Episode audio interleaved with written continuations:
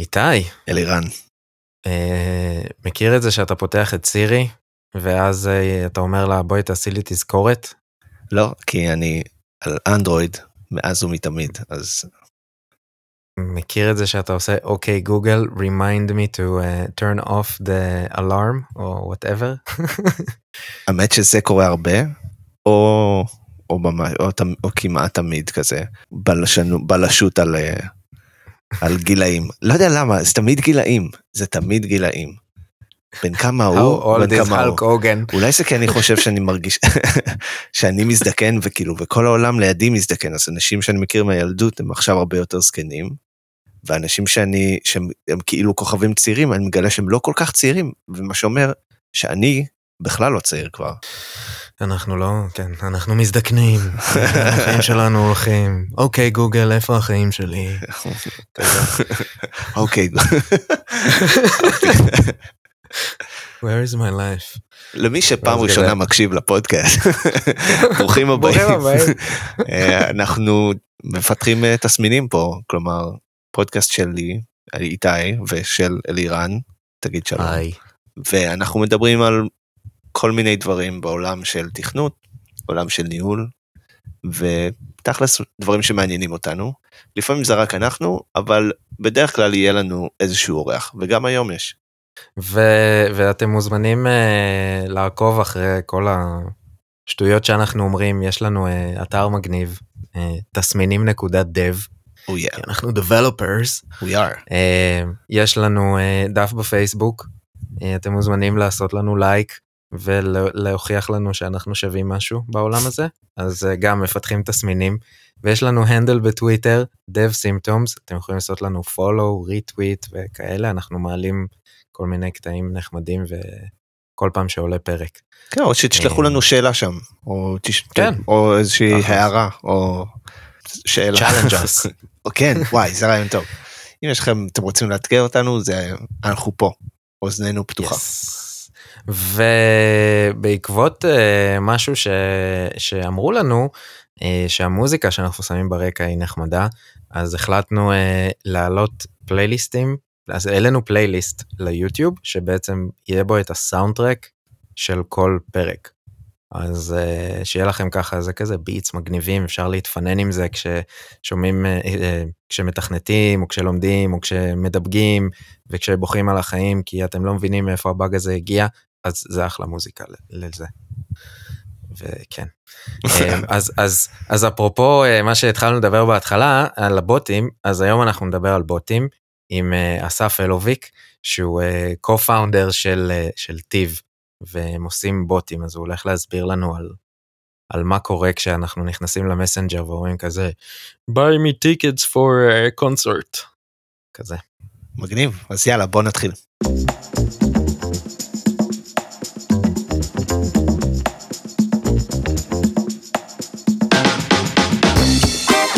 מפתחים תסמינים. איתי ואלירן מדברים על תכנות, ניהול ותכלס, כל מה שבא להם. אז איזה צ'אטים בעצם אה, איזה צ'אטים יש לנו איזה צ'אטים אתה מכיר. כאילו אני- הדבר הראשון שאני חושב זה כשאתה נכנס באתר אה, איזשהו e-commerce ישראלי נידח איכשהו שהגעת אליו דרך זאפ או איזה משהו איזה שיטוט מוזר בגוגל תמיד יהיה את ה... את ה... היי אני הילה אני יכולה לעזור לך ולעזור ככה אני זה הכל שאני שומע וזו תמיד עילה, זו תמיד עילה. כאילו תלך לאתר, אה, לא יודע מה, שמוכר אה, בלטות, תלך לאתר שמוכר אה, פלאגים לא- לאוטו, זה תמיד תהיה הילה. תראה, תראה אולי המצב שלה קשה והיא צריכה אתה יודע לעבוד ב-500 עבודות כדי להכניס קצת כסף. משלמים לה פר מילה ב- בצ'טבוט. אז, אז, אז כן, אז לדעתי אלה כאילו נהיו סופר, אה, כאילו אמנם הם סופר לא מוצלחים, אבל הם מאוד, אה, ראיתי אותם מלא. יש אה, שירותי תזכורת, אה, אני יודע שיש כל מיני x.ai, יש אה, דו, נראה לי Any.do, משהו Any.do, כזה, גם. Anydo, כן, היא ותיקים מאוד, אבל זו אפליקציה שכבר זה לא הרבה. הרבה יותר גדולה ממה שהיא התחילה בהקשר הזה. ויש slash remind בסלאק, שהוא סוג של צ'טבוט, סוג של בוט. אה, אני חושב שאתה יכול להכליל בפנים את uh, כל האלקסה שופינג וכל הדברים האלה, שאתה כן, אומר בהחלט. order me something, אז, ואז מן הסתם סירי, גוגל וכאלה שהם כבר, זה כאילו chatbots עם voice. Um, אז uh, נראה לי שדי, כמובן שיש עוד ערימות, כן? יש אבל- בכל מקום, יש גם מלא צ'טבוטים מאוד אה, קטנים ומסריחים שאנשים פיתחו, כי עכשיו זה מאוד מאוד קל. אפשר לעשות צ'טבוט כמו האפליקציה שהייתה ב-2015 נראה לי, שהיית שולח לאנשים יואו, אוי ואבוי. אז כזה, אז לעשות צ'טבוט כזה שאתה תעשה לו יואו, והוא יחזיר לך יואו. אולי, אולי אני ואתה צריכים לעשות צ'טבוט. ואז פשוט לא נעשה פרקים, פשוט נעשה צ'טבוט. נשמע טוב. אז... פודקאסט אה, שאתה צריך לשאול אותו שאלות. כן. רגע, תספר לי משהו. ואז הוא יספר. ברוכים הבאים לפודקאסט, please enter your question. Choo- choose your adventure, או, כזה, זה, זה או- יכול להיות. או שאנחנו פשוט נשפוך מלא תוכן והיוזר אף פעם לא יוכל להגיד כלום כמו בפודקאסט אמיתי. למרות שבפודקאסט זה שלנו גם. אתם יכולים להגיד מה שאתם רוצים, אם תשלחו לנו. הודעה קולית באנקר FM שלנו, ואנחנו מבטיחים לשים אתכם בתוך הפרק. אז קדימה, אנחנו מחכים שהמישור ראשון ישלח לנו הודעה קולית. אז מי, מי, מי מתארח אצלנו היום, שמכיר קצת יותר טוב את העולם הזה? אז כמו שאמרנו קודם, אה, מתארח אצלנו אסף אלוביק, הוא co-founder של טיב. אה, לטיב יש מוצר מאוד מוצלח, יש להם בוט מאוד מוצלח שנקרא מי, יש להם באזור החמישה מיליון יוזרים. אה, והוא גם בונה בוטים אה, בשביל הכיף, כל מיני אינסטגרם bots וכאלה, אז יש לו המון insights על, על העולם הזה. אז אה, אנחנו נשמע ממנו מה הופך בוט לאיכותי, ואיך זה שהבוטים לא השתלטו על החיים שלנו כמו שיש בסרט Her, אה, ואולי אפילו נצליח לסחוט ממנו איזה כמה טיפים. נשמע טוב. אהלן אסף, שלום, כיף להיות פה. אה, אז בוא, בוא ככה תציג לנו את אה, טיב אה, ומה אתם עושים. כן, אז טיב אה, זו חברה שמפתחת עוזר אישי חכם בעולמות הפרודקטיביטי, ובספציפית בעולמות של רימיינדרים. אנחנו בעצם עוזרים לאנשים לזכור דברים בכל מיני צורות שונות ומורכבות. מה, מה זה אומר? כן. אז בגדול אנחנו יושבים על אה, פלטפורמות ש- כמו מסנג'ר, צ'טבוט, אה, שאתה יכול פשוט לבקש תזכורות אה, גם לך וגם לאחרים. אז למשל, אה, תזכיר אה, לאשתי להוציא את הילדים בארבע אחר הצהריים. הבוט ידע גם מן הסתם להבין את השפה ותזכר את אשתך, להבין את כל הקונטקסט ופשוט ממקסמים את ההבנה בעולמות מאוד ספציפיים של תזכורות. כן, ולמה בוט? כאילו מה, מה, מה ש- אתם מצוינת. גיליתם מה, כאילו כי בסופו של דבר תזכורת הייתי יכול לעשות באלף דרכים. אה, מהמם. אני יכול סתם לעשות איזה pop-up איפה שזה אפליקציה, איזה website, איזה push, איזה משהו, אז למה הצ'טבוט? לגמרי, שאלה מצוינת. אז בגדול הכאב הזה התחיל מה, מהכאב האישי שלי, שתזכורות, כשאתה מסתכל על תזכורות על טווח זמן, אתה תגלה ש-90% מהתזכורות שאתה מייצר הם בטווח של 24 שעות הקרובות, שזה נתון מעניין. אה, עכשיו, כשדברים כל כך מיידיים, אז לפחות ההנחה ש... שהייתה לי בהתחלה זה שמאוד קשה לייצר תזכורות. אתה עכשיו נכנס לאפליקציות, יש לך פורם מלא למלא עם כל מיני, אה, איזה שעה, מתי וכן הלאה וכן הלאה, וזה פשוט מאוד קשה להפוך את זה למשהו שהוא יותר זורם ביום יום. אה, עכשיו, אז האינטואיציה הראשונה הייתה איך אפשר למעשה לייצר מוצר, ועזוב, בוא נשים בוט בצד. איך אפשר לייצר מוצר שאני יכול בצורה טבעית, בלי ללמוד עכשיו אינטראקציה חדשה או, או UI חדש, אלא פשוט אני יכול לזרוק את מה שיש לי בראש בצורה הכי טבעית שלי, והכי סוב- סובייקטיבית שלי. זאת אומרת, morning, אפילו morning זה משהו שהוא סובייקטיבי, נכון? אה, ושהתוכנה תדע לתפוס את זה ולייצר את התזכורת. אה, אז קודם כל הלכתי לסירי ואלקסה וכל מיני אה, אלטרנטיבות כאלה שדי מתארים את מה שאני אומר. ואז uh, גיליתי שבאמת הדברים יותר מורכבים מעבר לתזכיר לקנות חלב בארבע, פשוט הבוטים לא תופסים. אה, עכשיו יש כמובן הרבה הסברים, אה, גם טכניים, גם אה, מוצריים, למה, למה לא תופסים חברות ענק מסוג האלה, שאני אשמח לפרט. אבל אפשר, בגדול, אבל אפשר קודם לנסות להתקיל את, ה... את המקשיבים שלנו, מישהו במקרה מקשיב בסלון, אז בואו ננסה להשתלט לו על הזה. היי סירי, אה, תזמיני לי 40 פרקים של אה, אה, סיינפלד. אוקיי, אם מישהו זה קרה אצלו, אז אה, אני לא מתנצל, את- אבל תגידו לי, תשלחו לנו, תשלחו לנו איזה צייצו ש... לא, לא משנה. זה מזכיר את הפרסומת של אה, גוגל, עם, אה, מי זה היה? אם זה פפסי אני חושב, או מקדונלדס? פשוט אתה, אתה אומר את זה וכאילו איכשהו קפץ לי בראש שהיה איזה, היה באמת איזה פרסומת ש... אמ, אה, נראה לי שזה היה סירי, או, או שזה בעצם היה אלקסה, ופשוט אנשים הזמינו, כאילו היה הזמנה המונית של, ה, של איזשהו מוצר שפרסמו, זה היה נורא מצחיק. אה, דיברו גם על hacking אה, בפרסומות, ששמו את זה באיזה sampling rate מטורף, ואז כאילו אמרו כזה שהאוזן האנושית לא שומעת, אבל פתאום ה... הבוט, כל ה assistants התחילו להידלק בכל מיני מקומות. כן, אז אנשים מש- בבית משעממים ומגלים כל מיני האקים כאלה, שאפילו האנשי מוצר מפתחים לא חשבו עליהם, זה, זה תמיד קורה. אה, בוא, בוא נחזור, בוא נחזור בעצם אז, אה, לגמרי. אז, אז, אז כל הקטע של הסובייקטיביות בעצם עם, ה, עם הבוט. כן, אז, אז בגדול פשוט לא מצאתי פתרון ומוצר מספיק נוח. עכשיו, נוסיף לזה גם את השכבה של אה, UI, אוקיי? של מוצר חדש. אנחנו היום רגילים שחלק מאינטראקציה עם מוצרים חדשים זה קודם כל להכיר, אני צריך ללמוד את המוצר, נכון? אני צריך לבוא למוצר, לשחק איתו, אוקיי, זה התפריט, ופה אני עושה ככה, ופה אני עושה ככה, ו- וכל התהליך הזה הוא גם מתיש. עכשיו, צ'טבוט, במהות שלו, בטח אם אתה מלביש אותו על פלטפורמה קיימת כמו מסנג'ר, אתה אמור לצפות פשוט לדבר איתי. והבוט, אתה תדבר בצורה הכי טבעית וחופשית שלך, והאחריות כאן עוברת למפתח לדעת ללמוד את היוזר במקום שהוא ילמד את המוצר. אמ, אז כל, עכשיו נוסיף לזה את הנושא האחרון, שהתראות, שזה גם עולם שאפשר לדבר עליו, אבל גם התראות, היום אנחנו עוברים איזשהו פילטור אנושי, כשאנחנו פשוט לא שמים לב להתראות שמגיעות בטלפון שלנו.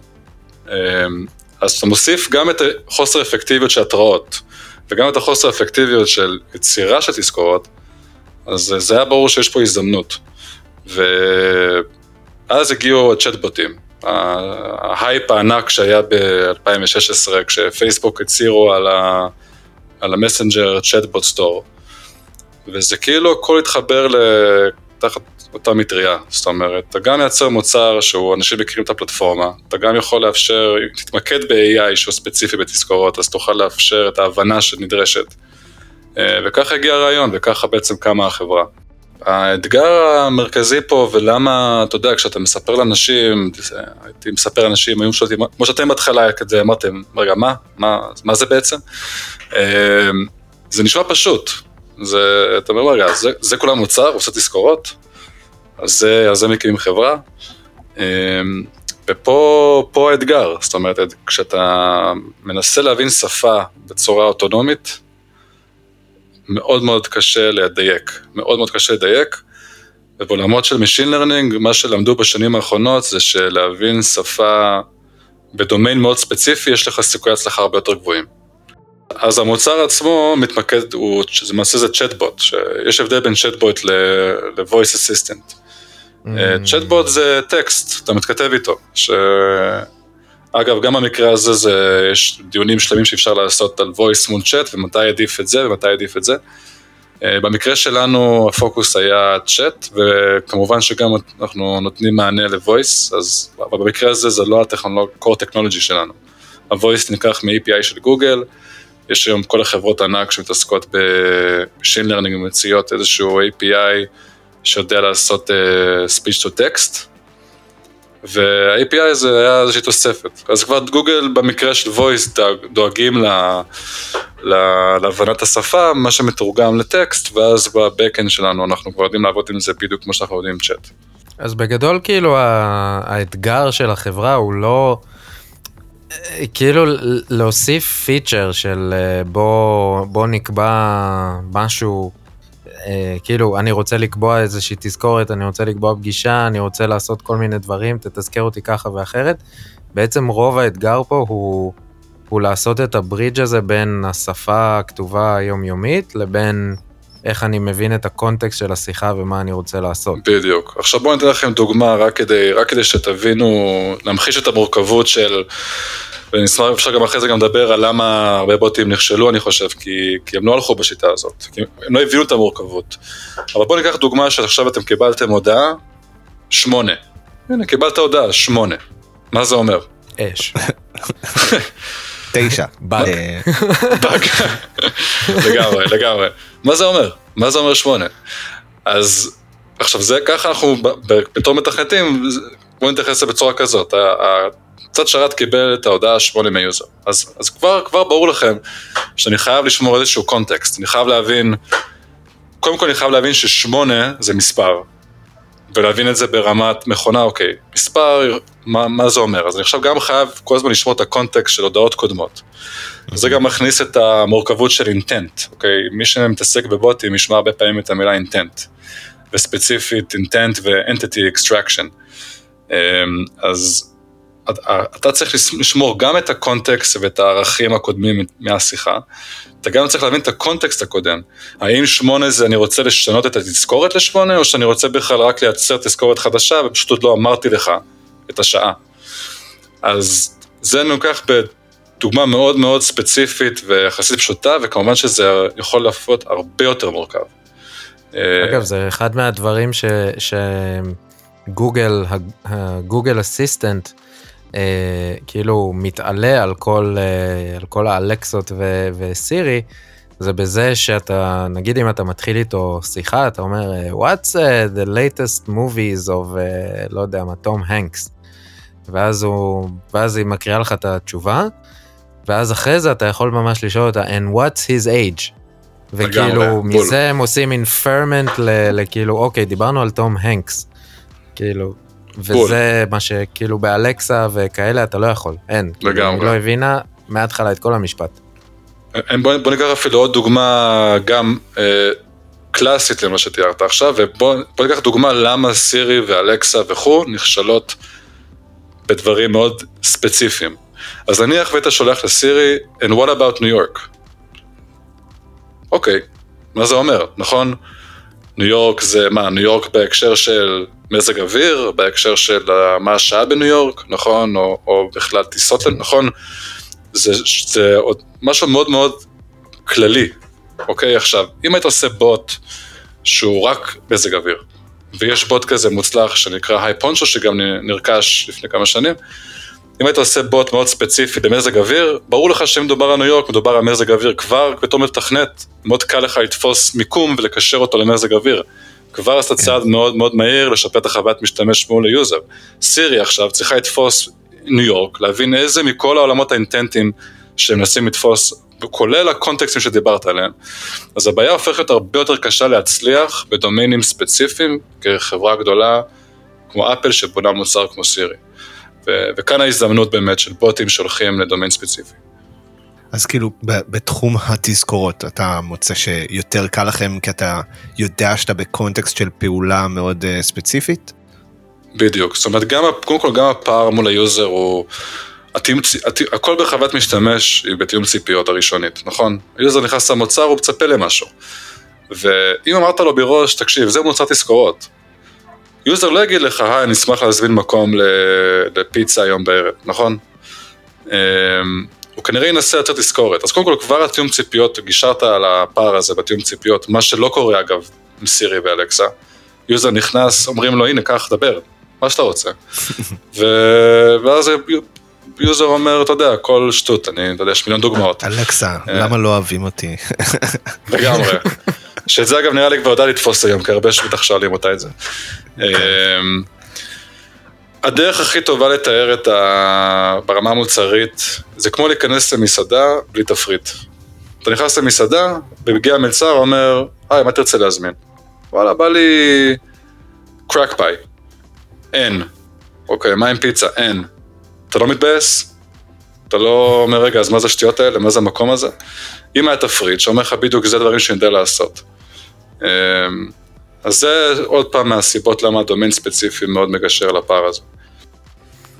אז, אז דיברנו כאילו על איפה סירי נכשלת ואיפה אלכסה נכשלת ואיפה אה, איפה, מי הצליחה? כאילו, אני חושב הגעתם ל, ל, באזור החמישה מיליון יוזרים בעולם? כן. איך אתה חושב שזה קרה? אז גם שאלה מעולה, אז, אז קודם כל נתחיל במה שכבר תיארתי, ששוב זה המיקוד בדומיין ספציפי. אה, ושוב, גם ההנחה של הכאב, זאת אומרת, האם בכלל יש כאב כזה?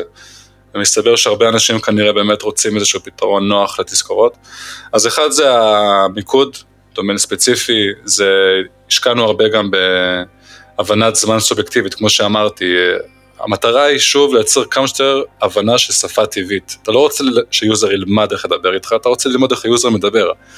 אז, אנחנו, אז המוצר יודע להבין מה זה afternoon, יודע להבין מה זה soon, noon, later, אוקיי? כל המילים האלה שהם ambiguous, זאת אומרת שיש להם כמה משמעויות בהתאם ליוזר, הבוט יודע לתפוס, לשאול מה זה נון, אתה תגיד לו נון, זה אחת בצהריים, ומהיום והלאה תבקש נון והוא יבין אותך.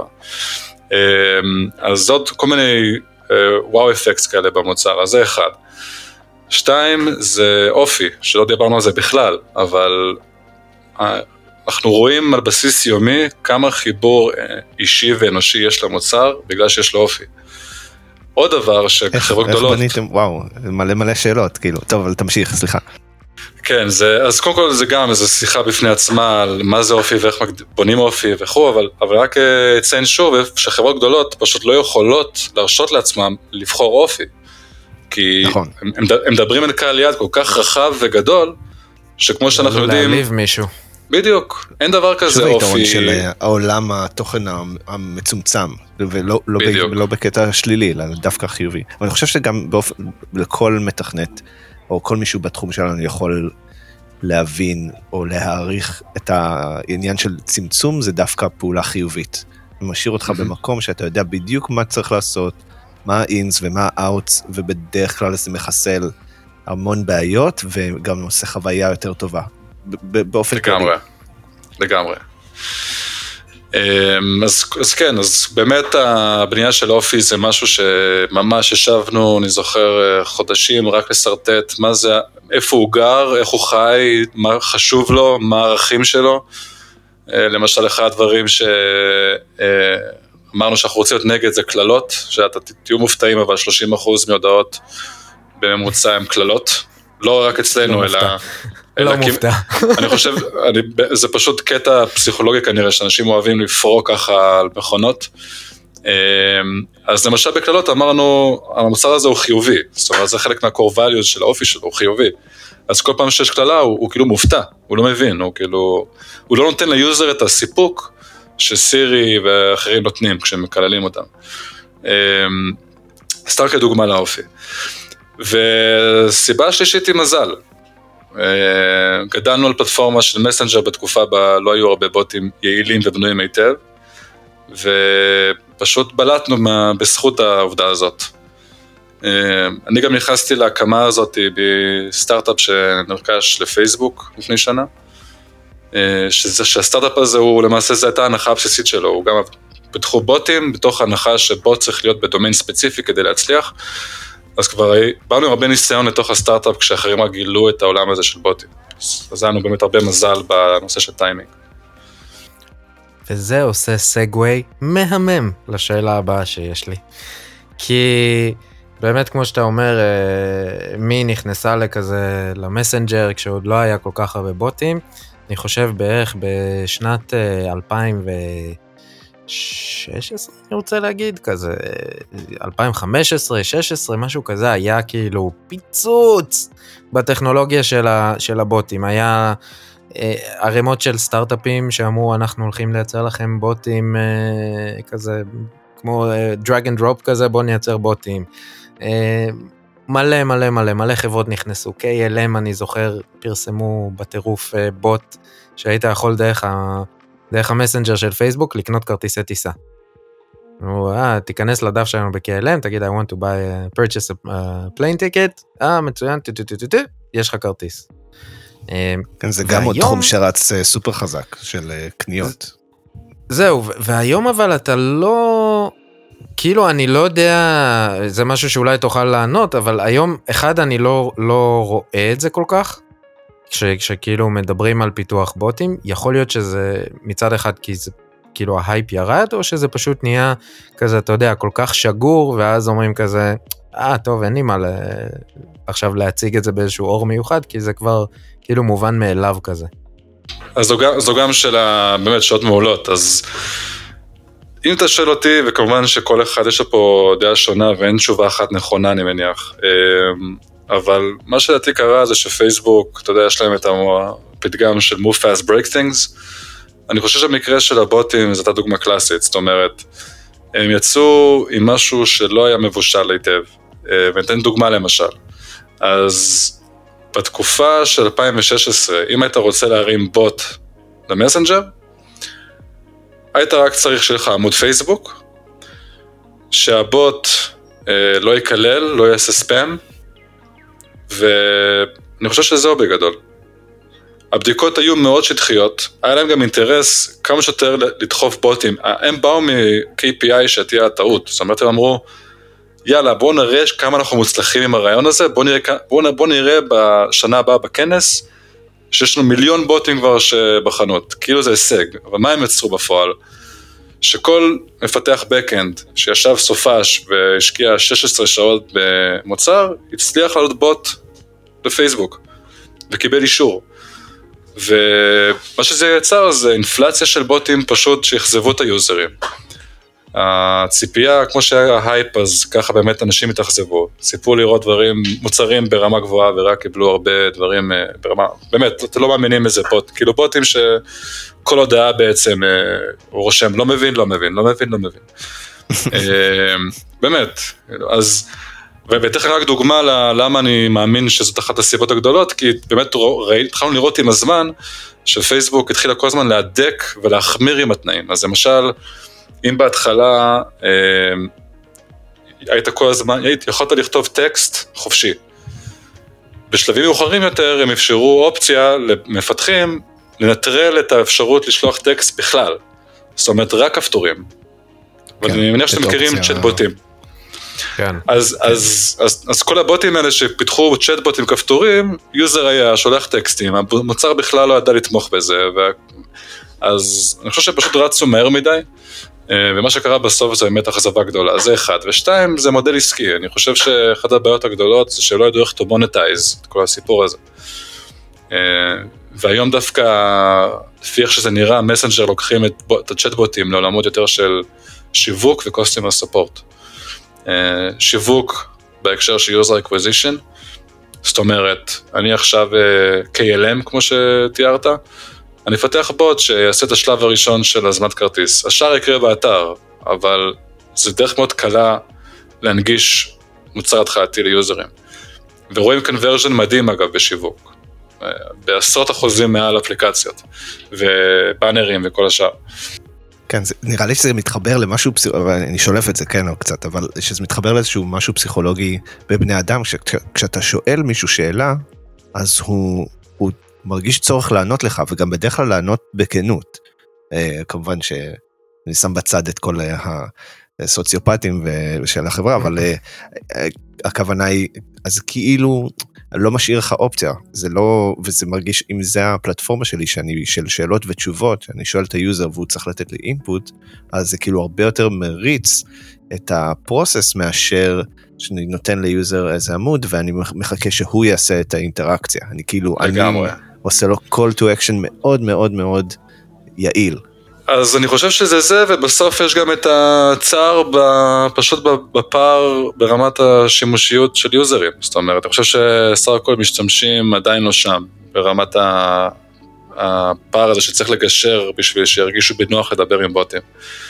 שזה מאוד מתסכל, זאת אומרת, אה, אם אתה לא יודע ולא רגיל לתקשר עם בוט, זה יכול להיות מאוד מתסכל. אתם מרגישים משהו שהוא בסגנון אה, Uncanny Valley, רק בתחום הטקסט? מה זאת אומרת? תוכל להסביר? אה, כאילו Uncanny Valley זה התחושה שבן אדם כשהוא מתעסק, אה, הכוונה היא בפיזית, כאילו שהוא רואה נניח רובוט, אם אתה רואה רובוט שהוא נראה כמו רובוט, אז אתה, אתה יודע למה לצפות וכולם, אנשים מגיבים לזה בצורה טובה. ככל שהרובוט נעשה פיזית יותר אנושי, ככה יש כאילו התגובה היא הולכת ונעשית טובה עד איזושהי נקודה שבה הרובוט הוא לא בדיוק אבל יותר מדי קרוב שיש מין רתיעה מאוד מאוד חדה. ולזה קוראים ה-uncanny valley כי זה ה-valley אה, בגרף של כאילו שאם אני הולך לפי לציר של כמה אני או, מגיב חיובי ל, ל, לאיזשהו רובוט לעומת, אה, לעומת אה, כמה שהוא נעשה אנושי אז כאילו יש איזה שלב לפני שהוא ממש נראה כמו בן אדם אה, שבו יש תגובה נורא לא טובה לזה אז השאלה היא האם. האם את, אמנם אתם, אין לכם רובוט פיזי, אבל האם אתם חשים שיש איזושהי נקודה שבה יוזרים מגיבים לא טוב בגלל שהם יודעים שזה בוט ולא בן אדם? תשמע, זו שאלה מדהימה והיא גם מאוד פילוסופית. אה, אני חייב להגיד שברמה האישית לא חשנו את זה, זאת אומרת, כן אתה מסתכל על שיחות ויש כאלה שהם באמת באים מתוך מקום של לקלל ואתם לא צריכים, אה, אתם עושים את האנושות ו... ולא צריך אתכם, אה, אבל הרוב המוחלט דווקא באמת, כשאתם מסתכלים על השיחות, מסתכלים על עשרות אלפי שיחות, הם באמת מגיעים ממקום חיובי ואופטימי, זאת אומרת, הם באמת באים לתת צ'אנס, צ'אנס אמיתי לאהוב את המוצר ולהשתמש בו, שזה מהסימנים היותר יפים ש, שאנחנו רואים. אה, ושוב, אני חושב שבסוף האכזבה זה העיקר. מעבר לכך, גם יש פה שאלה פילוסופית של מהו משך המערכת יחס, לאן המערכת, where is this relationship going, נכון, כאילו, זאת אומרת, הנה, זה מה שאני יודע לעשות, היוזר מתלהב, יש פה איזה wow effect כזה, אבל הרוב הבוטים יש להם יום, יום סיום, זאת אומרת, יש לי set skill סופי, יש לי סט אה, הודעות ו, ותגובות סופיות. ואני חושב ששם גם יוזרים מאוד מתאכזבים, שזה בכלל שאלה פילוסופית ומאוד מורכבת, אבל אני חושב שהרבה מהם פשוט משתעממים, זאת אומרת, הם מבינים, הם, הם מבינים את הסוף, ושם כן. מתנתק להם איזושהי תמימות כזאת של, אה רגע, זה לא, זה לא באמת, it can't, it really, really can't be my companion. לא כמו הסרט her כמובן, כן, אבל... טוב, זה... אני חושב שאנחנו נגיע לשם, אבל עוד לא. כאילו, לאט לאט. אמ, לא נראה לי שתרצה לצאת עם הבוט שעושה לך תזכורות, אבל... מערכת יחסים מאוד בעייתית. כל הזמן כן, מנדנד לך. נורא. אמ, אבל אם באמת, אז, אז אם אני חוזר לנקודה של, של ההשתעממות והסופיות נקרא לזה של, ה, של הבוט, אם מסתכלים על יוזרים של מי לדוגמה, אז מה, מה כזה ה-lifetime value של יוזר, או lifetime span, או lifetime פשוט. אז בגלל שאנחנו נותנים ערך אה, פרודקטיבי שהוא על בסיס יומי, זאת אומרת, אתה צריך כל יום, כל יום אתה צריך לזכור דברים, וכל יום, אז אנחנו דווקא רואים retention, היום ה retention הוא באזור ה-20 אחוז. זאת אומרת, ב-20 אחוז נדבר על, אה, יש לנו כאלה שאיתנו מהיום הראשון, שעדיין במוצר, עדיין מתכתבים איתו ומשתמשים בו. אז הסופיות שהתכוונתי אליה, אני יותר מדבר ברמת השימושיות מעבר לפונקציונליות הבסיסית. Uh, אתה רואה בהתחלה הרבה שיח, הרבה התלהבות, מנסים להבין איפה הגבולות, מנסים להבין איפה, כמה עומק, כמה עומק אפשר לרדת עם המוצר.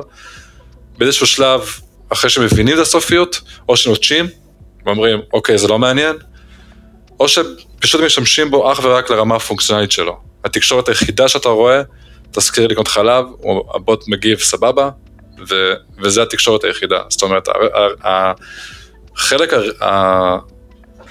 הרגיש, הרגש מתנתק באיזשהו שלב.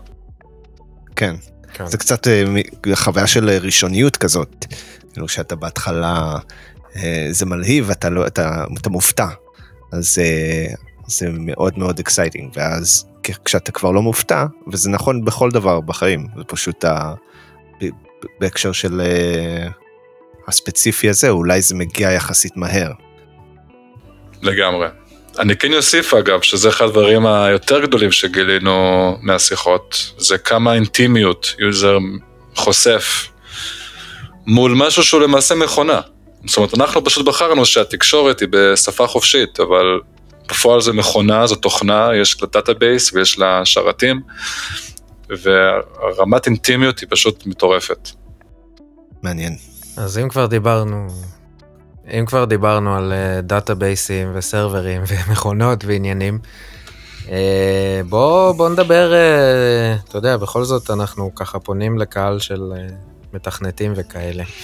אז בוא, בוא נדבר רגע על באמת אולי דגשים ל- לככה design טוב של, של בוט, כאילו, אתה יודע, איך בוחרים אינטראקציות, אה, לא יודע, שפות פופולריות, איזה tool set, כל מיני כאלה. כן, אז קודם כל החדשות הטובות למי שלא אוהב front-end, שאני יודע לירן שאתה לא אוהב, אה, אוי, זה כן. שבשביל בוט, כל מה שאתה צריך זה backend. וזה זה אחד היתרונות הגדולים של, של אה, פיתוח של צ'טבוטים.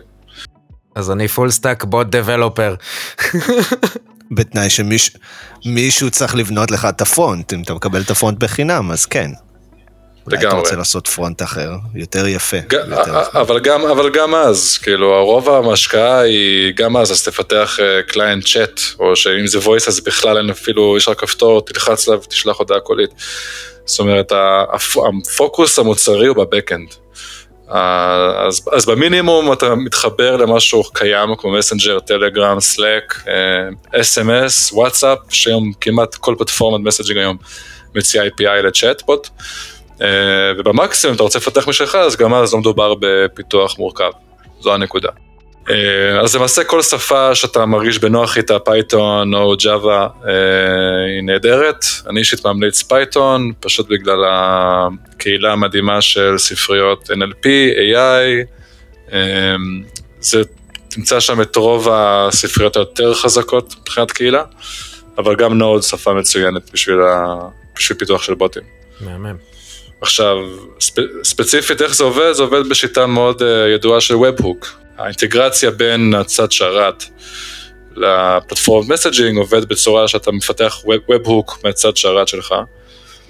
אתה מאזין uh, הודעות נכנסות, ובצד של, בוא ניקח דוגמה מסנג'ר, אתה מחבר אליהם את ה-URL שמקשר לצד שרת שלך, ופשוט מאותו הרגע כל הודעה נכנסת ששולחים לבוט, אתה ישר מקבל אותה בשרת, מפורקת ל structure של הודעה, ממי זה הגיע, user ID וכל המידע שאתה צריך. אתה יכול לייצר מעין אה, מעטפת session־ית כזאת בשבילך כדי שאתה תוכל אה, לשמור על ה context של ה user, כמו לטפל במקרים כמו שתיארת של user עונה 8 ואתה צריך להבין שהוא מתכוון לשעה בדיוק. וזה.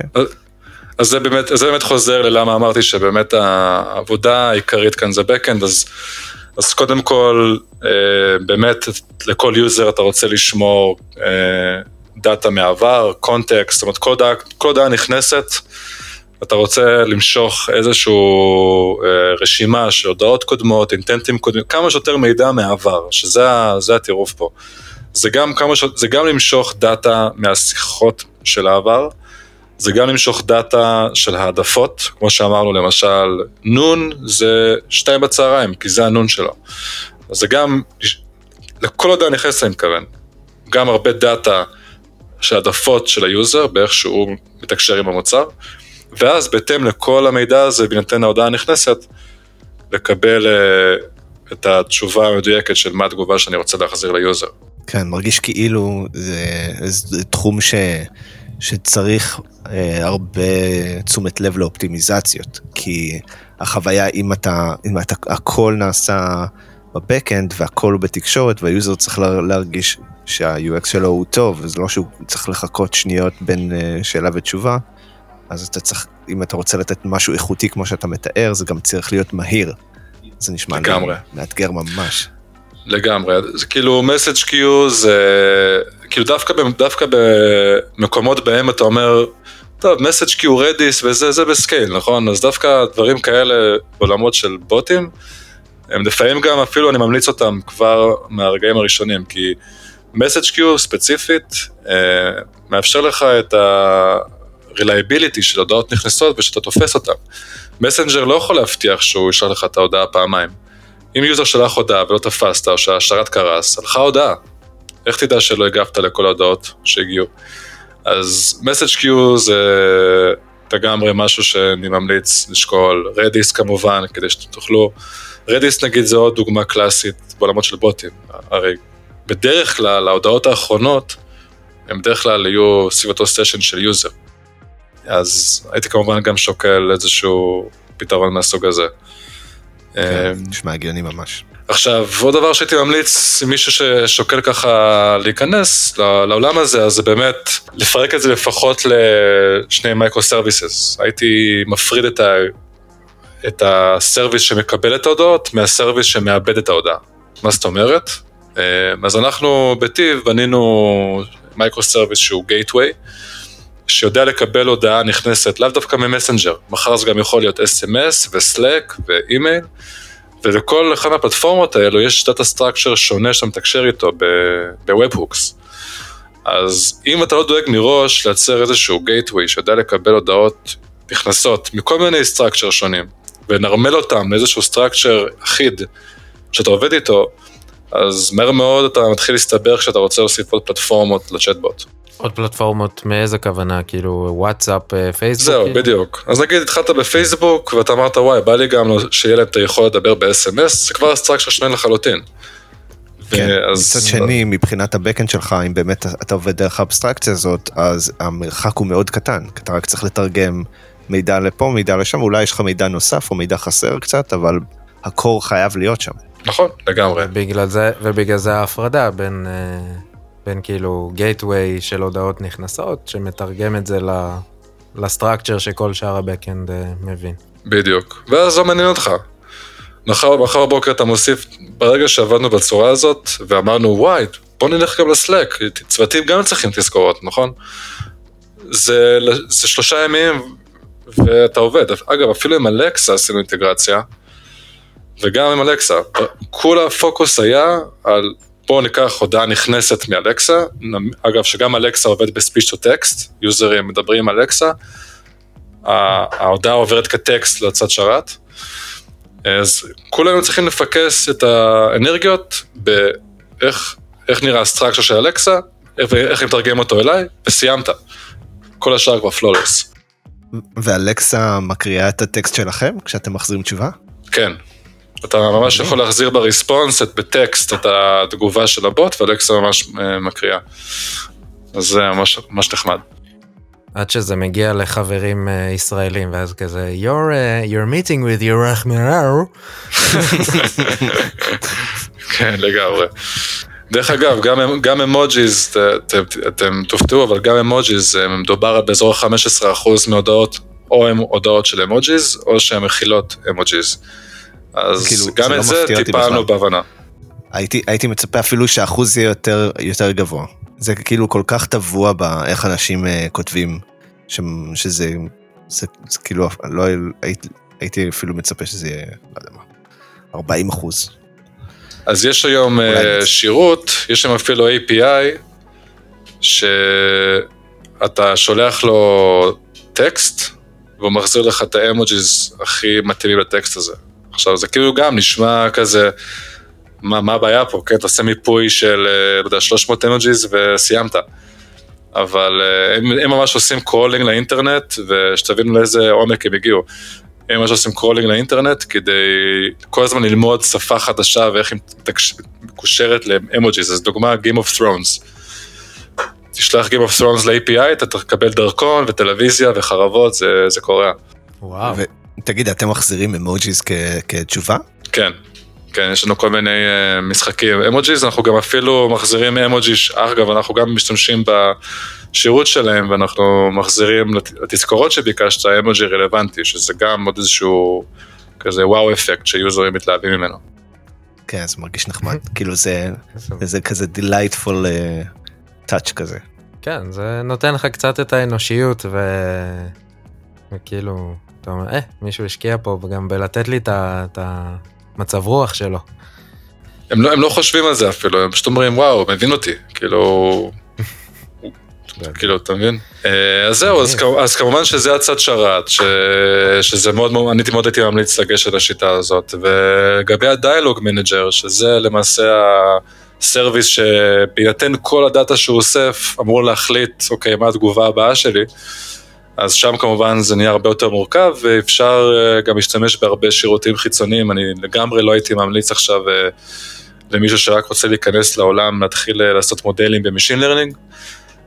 הייתי שוקל להיכנס לשירותים כמו Dialogflow, שזה פעם היה API AI, שגוגל רכשו אותם, כל מיני שירותים? API, API, נקודה AI. כן. אוקיי. היום נקראים דיאלוג פלואו, אז זה נגיד שירות שאתה יכול אה, לקשר הרבה משפטים שונים לאינטנט, אוקיי? אז למשל, שלום, מה קורה, היי, אתה מקשר את כל, הדבר, את כל הדרכים השונות להגיד שלום, ואז אתה, השירות הזה כבר עושה את זה בצורה מאוד נוחה, ואז אתה פשוט מתממשק אליו עם API, ובצורה מאוד אה, קלה יודע להבין שלום, לא משנה איך יוזר מתקשר איתך. אה, אז שירותים כאלה הייתי מאוד ממליץ גם להשתמש בהם.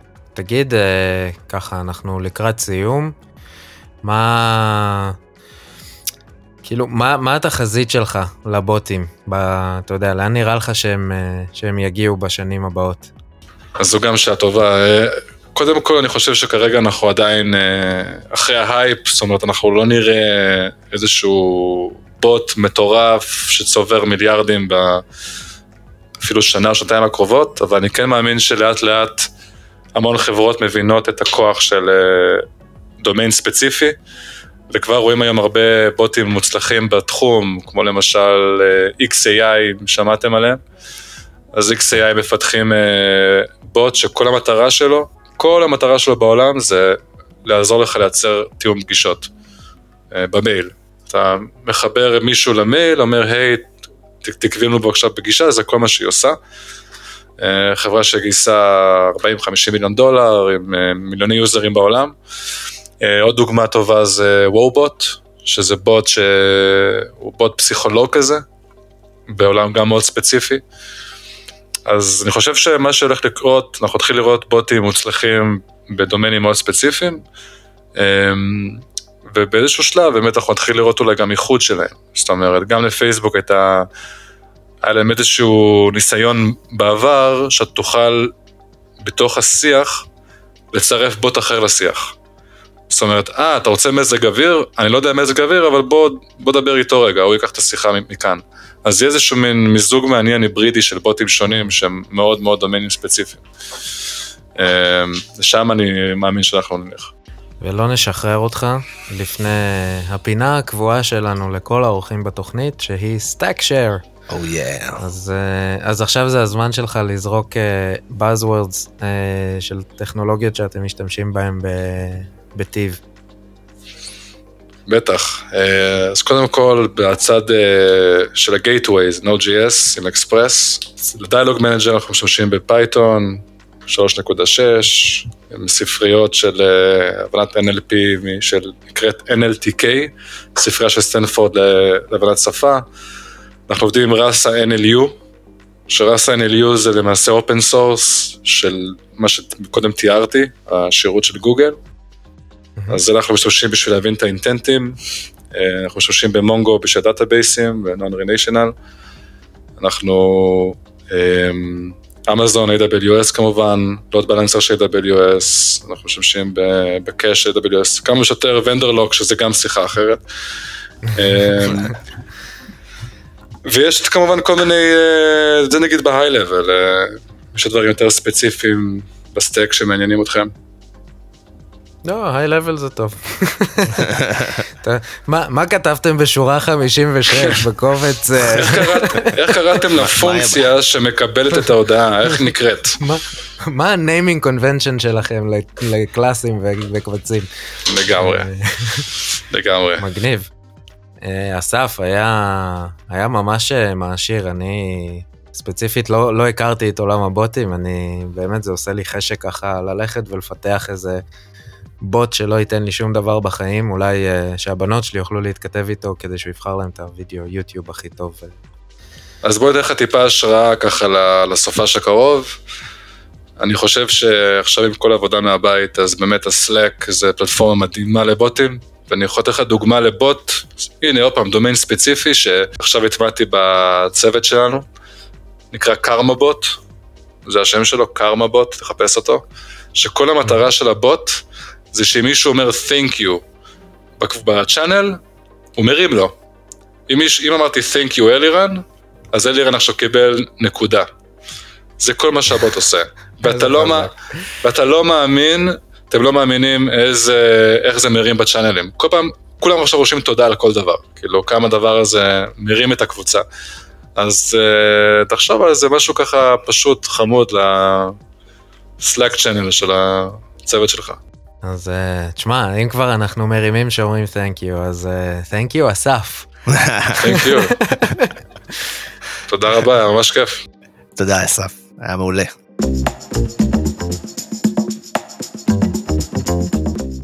טוב, תודה שהקשבתם, נגמר עוד פרק.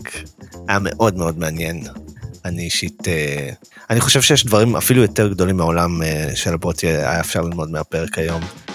פתאום ניתן לך איזשהו פוקוס על איך ניגשים לנושא ומצטמצמים ולומדים אותו לעומק, וזה נכון להמון המון דברים, אבל ספציפית גם בתחום של בוטים, סופר מעניין, אני ממש נהניתי. עדיף, עדיף שתהיה איכותי וקטן, מאשר שתנסה לבלוע את כל העולם ולהיות ממש בינוני. זה בגדול. זה עצה נפלאה. אה, אז מה אתם אם- חושבים? אם בא לכם לא להיות בינוניים, איזה נורא. לא, אז, אז, אז אל תהיו בינוניים ותיכנסו לאתר שלנו, תסמינים.dev, אתם יכולים אה, לשמוע פרקים קודמים, לעשות subscribe ולשמוע את הפרקים הבאים שיבואו. אה, תנו לנו לייק בפייסבוק, מפתחים תסמינים, עשו לנו follow בטוויטר, אה, שטרודל dev symptoms. אה, ו- ואנחנו ממש ממהרים, אז סליחה ג'וליאן, שוב אה, נגמר לנו הזמן ולא הצלחנו. להביא אותך. סורי ג'וס. איי איי איי. טוב, אה, איתי, היה נהדר כתמיד, אלירן, שמחתי. ונתראה בפרק הבא. ביי לכולם.